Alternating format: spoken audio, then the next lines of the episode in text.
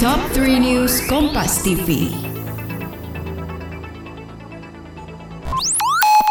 Halo Sobat Kompas TV, kembali kita update 3 berita terpopuler yang terjadi pada hari ini, Kamis 10 Februari 2022. Bersama saya Sinta Melinia di Top 3 News Kompas TV. Berita pertama, Bribtu C, DPO akibat desersi Polresta Manado telah ditemukan dan diamankan pada Selasa kemarin di Jakarta Selatan. Kini oknum polwan tersebut masih dalam pemeriksaan di Propam Polda Sulawesi Utara.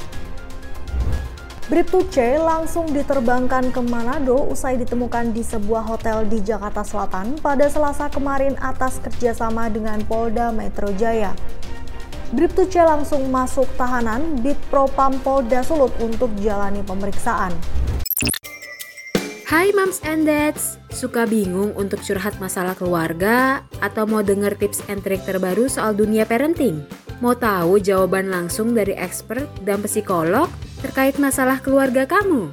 Gak usah bingung Moms and Dads, sekarang udah ada podcast obrolan meja makan podcast kolaborasi Nakita, Nova, dan Medio by KG Media yang akan membahas mengenai orang tua, rumah tangga, hingga perkembangan si kecil. Yuk dengerin podcast obrolan meja makan persembahan Nakita, Nova, dan Medio by KG Media hanya di Spotify.